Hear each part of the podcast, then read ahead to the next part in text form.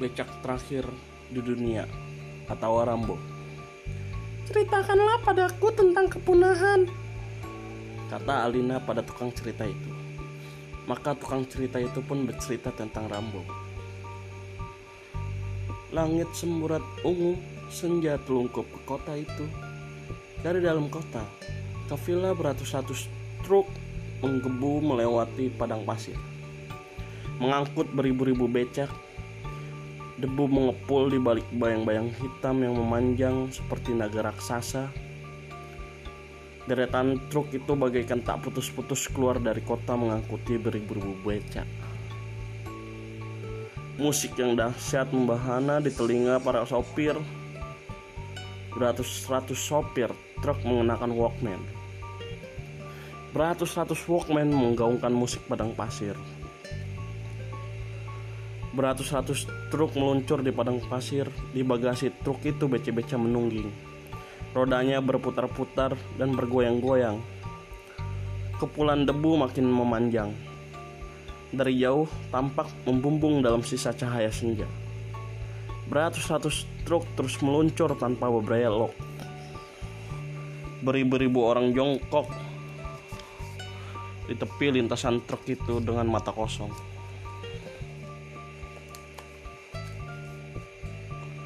Tangan mereka sesekali terulur entah mau apa.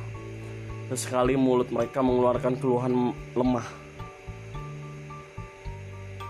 Namun sopir-sopir menekan pedal gas dalam-dalam. Mata mereka waspada ke depan. Mereka tidak menoleh ke kiri atau ke kanan dan di telinga mereka bergema musik padang pasir yang sahdu. Keras sekali. Beratus-ratus truk menuju ke pantai. Ombak menghempas-empas dan berdebur-debur bagikan dewa laut yang kelaparan. Beratus-ratus truk tiba di pantai. Ombak menderu-deru dan angin mendesis-desis. Ratusan truk berjajar membelakangi laut. Ratusan bagasi truk terangkat bersama-sama dan beribu-ribu beca berpindah tempat ke ratusan perahu angkutan. Beratus-ratus perahu mengangkut beribu-ribu beca dalam ombak yang ganas. Di tengah laut, beratus-ratus perahu menumpahkan beribu-ribu beca bersama-sama. Beribu-ribu beca meluncur ke dasar laut membuyarkan ikan-ikan. Tak lama kemudian, beca itu berubah menjadi fosil. Di puncak Bukit Karang, seorang lelaki berdiri tegak menatap pemandangan itu. Latar belakang langit senja membuat lelaki itu hanya tampak seperti sosok hitam. Ia berdiri tegak seperti patung, matanya menatap tajam pada beratus-ratus perahu yang memuntahkan beribu-ribu beca. Ia masih tetap di sana sampai perahu-perahu kembali ke pantai. Dan truk-truk meluncur kembali ke kota meninggalkan kepulan debu yang memanjang. Di samping sosok kehitaman lelaki itu, tampaklah bayangan sebuah becak. Pada malam hari, ia mengendari becak itu menuruni bukit. Sampai di kaki bukit, seorang wanita melambaikan tangannya. Cak, Becak itu berhenti. ke pasar berapa bang? Gope, Nope mau? naik. Beca itu segera melaju di padang pasir menuju kota yang kini gemerlapan. Di jalan mereka menyalip beribu-ribu orang yang tadi jongkok di tepi jalan dengan pandangan mata kosong. Rambo! Rambo! Rambo! Teriak mereka ketika melihat beca itu. Apa? Hati-hatilah Rambo. Kenapa? Waspadalah, becamu kini adalah beca terakhir di dunia.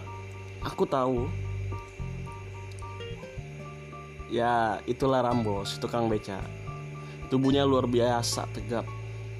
Wajahnya tampan tapi agak bego. Yang menggenjot becanya dengan kencang, rambutnya yang agak gondrong melambai-lambai. Ikat kepalanya juga melambai-lambai. Dari langit terdengar lagu Melayu. Kudaku lari gagah berani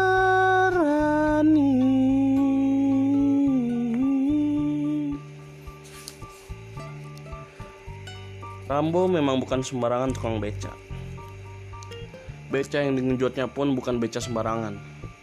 Beca itu adalah beca kencana. Dengan beca itu Rambo telah menjuari rally akbar Paris Dakar dalam kelas beca. Telah keliling dunia mengendarai beca sampai tiga kali. Telah ikut sirkus keliling yang mempertunjukkan atraksi beca-beca. Rambo mampu berjalan di atas tali mengendarai beca. Satu roda beca itu menapak tali. Dua roda depan ter terangkat ke atas. Belum lagi akrobat-akrobat beca yang lain. Beca kencana itu kini melaju ke dalam kota. Keringat beleleran di tubuh Rambo. Kaos singletnya basah. Bahkan celana renang yang dipakainya pun basah.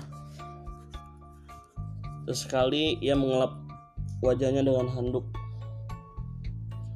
kecil yang ada yang ada di lehernya. Kakinya yang bersepatu basket mengalir terus tanpa henti.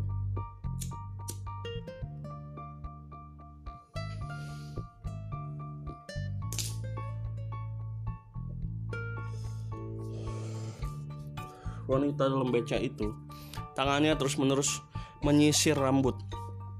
Dengan kecepatan angin, beca kencana menembus gerbang kota. Para petugas bersenjata armalit dan kalasnikov yang sedang asik merenung-renung terkejut. Seseorang segera memberondong, tapi luput. Gila, masih ada saja beca di kota ini. Itulah beca terakhir yang belum digaruk. Cepat, laporkan. Dalam sekejap, kota itu jadi hiruk pikuk. Serina polisi meraung-raung. Mobil-mobil polisi dengan lampu merah yang sorot cahayanya berputar-putar segera melejit di jalanan. Memburu satu-satunya beca yang masih gentayangan. Rambo ngebut di sela-sela kendaraan yang lain. Orang-orang di dalam mobil atau di trotoar yang melihatnya terperangah.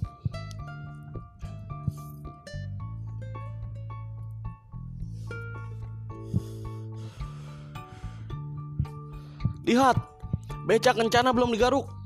Itu Rambo. Ingat Rambo berkilatan disiram hujan cahaya dari rekaman-rekaman neon raksasa. Sebelah mana pasarnya? Teriaknya di antara deru kendaraan yang berseliweran. Masih jauh. Di mana? Ujung dunia. Dan wanita itu tertawa berkepanjangan. Tapi belum lagi Rambo memahami maksudnya.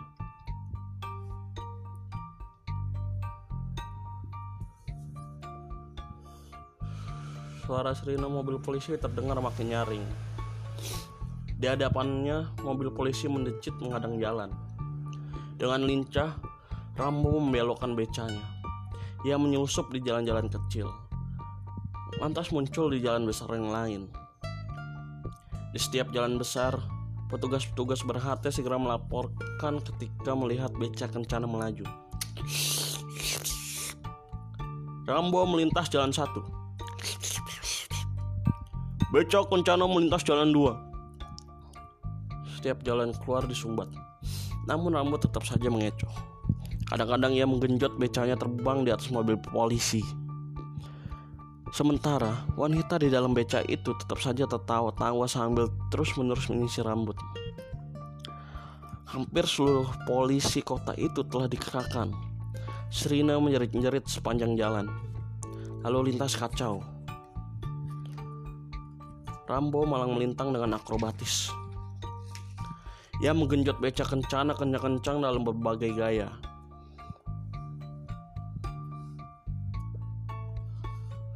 Kadang-kadang beca itu berjalan miring, hanya dengan dua roda, tapi tak jarang pula cuma dengan satu roda. Di tempat-tempat strategis, para juru kamera televisi mengabadikan perjuangan Rambo. Seorang reporter televisi berkomentar. Dahsyat sekali. Tak kurang dari 3000 polisi mengejar beca terakhir di dunia. Tapi beca kencana yang dikemudikan Rambo belum juga tertangkap. Rupa-rupanya Rambo jauh lebih paham seluk-beluk jalanan kota ini ketimbang para polisi. Ia melaju, ia menyalip, ia mengepot. Dari ujung jalan satu ke ujung jalan lain, Rambo melesat seperti setan. Dari gang ke gang, dari jembatan ke jembatan. Lihatlah saudara-saudara. Lihatlah pada layar televisi Anda. Seorang tukang beca diuber-uber 3000 polisi. Inilah sejarah. Saudara-saudara sedang menyaksikan nasib beca terakhir di dunia. Dikemudikan pengemudi beca terbaik dan terakhir di dunia. Pada layar televisi gambar Rambo terus-menerus bisa diikutin penonton.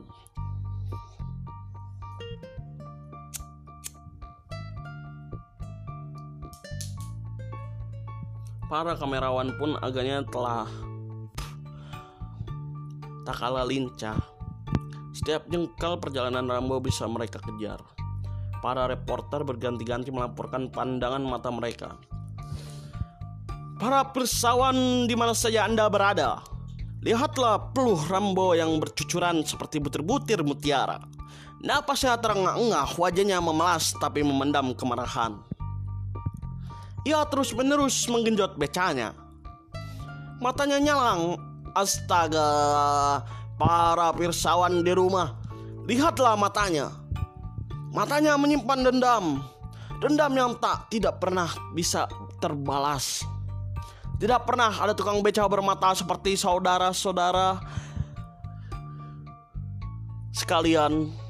Tukang beca biasa bermata loyo, malas dan pasrah. Tapi ini para pirsawan di Santero Tanah Air Apakah mata Rambo mewakili perasaan tukang-tukang beca di seluruh dunia yang becanya digaruk?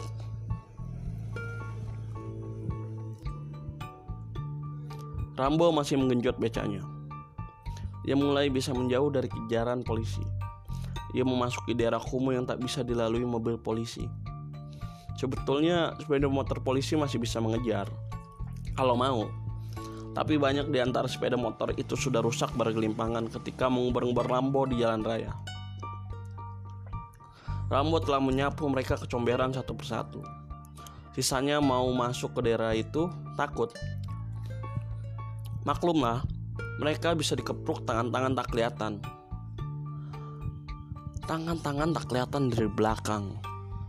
Para kamerawan ragu-ragu pula masuk ke sana, apalagi mengingat peralatan mereka yang serba mahal. Maka mereka naik gedung-gedung tinggi dan menembakkan kameranya dari sana. Dari ketinggian, tampak Rambo mengenjot becanya pelan-pelan. Di ujung jalan, sekelompok orang berjoget mengikuti irama dangdut. Diterangi lampu Petromax. Aku turun di sini. Kita sudah sampai. Ujar wanita yang tak henti-hentinya menyisir rambut itu tiba-tiba. Inikah ujung dunia? Wanita itu hanya tertawa. Kamu tidur di tempatku saja. Katanya sambil menarik tangan Rambo. Tukang beca itu menurut saja. Mereka lenyap di kegelapan. Mereka lenyap di kegelapan. Para pirsawan di rumah. Rambo dan wanita penumpangnya menghilang ke sebuah gubuk. Dari tempat reporter Anda berada, hanya tampak beca kencana parkir di depan gubuk reot yang biasa digunakan para pelacur. Saudara-saudara penonton di rumah, di daerah hitam ini orang-orang tidak terlalu peduli dengan Rambo. Mereka juga tidak peduli ada 3000 polisi sedang memburu-buru beca kencana. Mereka sendiri sudah terlalu sering digusur, diciduk maupun digaruk. Mereka adalah reporter televisi itu melaporkan terus keadaan. Sementara di sekeliling wilayah kumuh itu satu persatu bermunculan anggota pasukan tentara. Mereka merayap perlahan dengan senapan M16 di tangan. Beberapa orang bahkan membawa basoka. Dalam gubuk, kedua orang itu bercakap-cakap.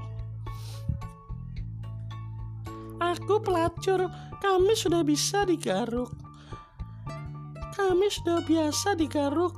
Nasib kita sama-sama tergusur. Tapi pelacur tak akan pernah habis digaruk. Lain dengan beca, becaku adalah beca terakhir di dunia. Tak akan pernah ada pelacur terakhir di dunia. Kamu lebih untung. Ah, sudahlah Rambo. Kata pelacur muda itu sambil mengusap peluh di wajah Rambo. Lantas ditariknya kepala tukang beca itu. Lantas diciumnya. Lantas mereka bermain cinta. Secerca cahaya menerangi beca kencana yang nongkrong di luar. Rambo mengunci rodanya dengan rantai, dibelitkan ke sebuah tiang. Bersawan televisi di si Antero Tanah Air. Kali ini suara si reporter rendah sekali. Nyaris berbisik. Satu batalion tentara telah didatangkan untuk menyergap Rambo. Maklumlah, kalau beca terakhir dunia ini tak juga berhasil dirajia. Yang berwajib akan malu. Bukan saja malu karena tak mampu membasmi beca. Tapi juga malu karena di negara modern ini masih saja ada beca. Untuk dosa ini, Rambo bisa dihukum tembak. Memang, para bekas tukang beca belum mendapat pekerjaan baru. Namun wajah kota yang bersih dan jalanan yang lebih indah tanpa beca jauh lebih penting. Bukanlah negara kita sedang membangun. Saudara-saudara penonton televisi, suasana makin menegangkan. Di sekitar gubuk reot tempat Rambo dan wanita tadi masuk. Sudah dikepung rapat. Sayup-sayup terdengar musik dangdut. Pada layar televisi Anda, tampak mereka orang yang berjoget di ujung jalan itu tidak peduli.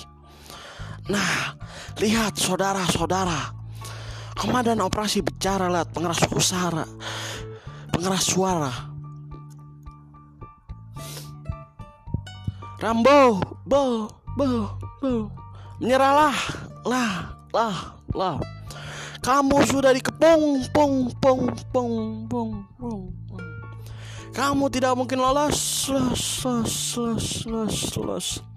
Serahkan becamu dengan sukarela, lah, lah, lah, lah, lah. Sepi, tak ada jawaban. Malah merasa lebih kelam. Kalau kamu mu mu mu menyerah dengan baik-baik, ik ik ik ik, kami akan memberi kamu pekerjaan an an an an an an. Kamu tidak usah menggenjot beca, ca ca ca ca. Masih sepi, suara tikus mencericit dari lubang got.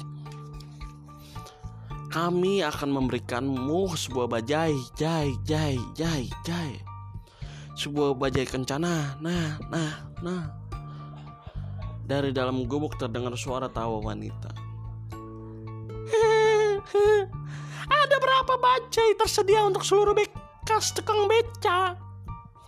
Teriak wanita itu dengan tawanya yang berkepanjangan. Bangsat, sat, sat, sat, sat. Kamu Rambo, boh, boh, boh, boh. Kami tidak punya pilihan lain. Maaf, maaf, maaf, maaf, maaf, maaf. Sebetulnya kami bersimpati padamu, mu, mu, mu. Tapi kami hanya menjalankan tugas, gas, gas, gas, gas. Siap menyerbu, bu, bu, bu, bu. Satu, tuh, tuh, tuh, tuh. Dua, wah, wah, wah, wah. Tapi tiba-tiba pintu gobrok reot itu terbuka. Tahan, aku menyerah. Rambo mengangkat kedua tangannya. Wajahnya loyo, malas dan pasrah. Pelacur itu mengikuti di belakangnya dengan malu-malu. Astaga, saudara-saudara pirsawan, pahlawan kita menyerah. Lambang pemberontakan kita menyerah. Sungguh memalukan. Ini tidak boleh terjadi. Tidak, Rambo. Jangan menyerah, Rambo. Matilah sebagai kesatria. Matilah sebagai pahlawan. Reporter televisi itu berteriak-teriak dari atap gedung. Di rumah-rumah, para penonton televisi juga riuh berteriak-teriak suasana kota hiruk pikuk. Jangan bikin malu Rambo. Bangsat kamu Rambo. Kami tidak punya lambang lagi. Kami sendiri tidak berani. Rambo, jalan lu. Dibayar berapa kamu? Bahkan banyak yang memandang dan menendang dan melempar kaca layar televisinya sampai pecah.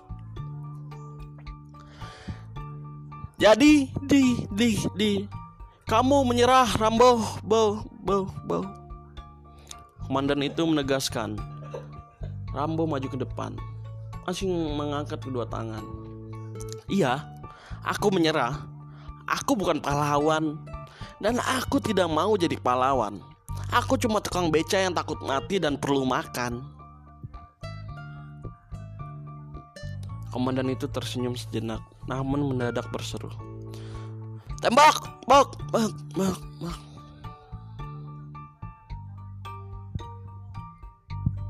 Sudah, sudah, jangan teruskan.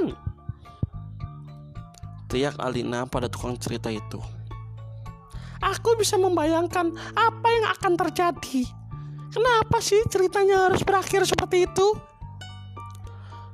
Begitulah zaman Alina Berubah Punah dinosaurus Punah suku Apache Punah pula beca-beca Zaman memang sudah berubah, tapi kenapa kita juga harus ikut berubah?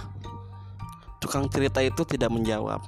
Ia hanya meringis Sehingga mirip patung Buddha yang sedang tertawa. Jakarta Februari 1986 Karya Senogumi Raji Dharma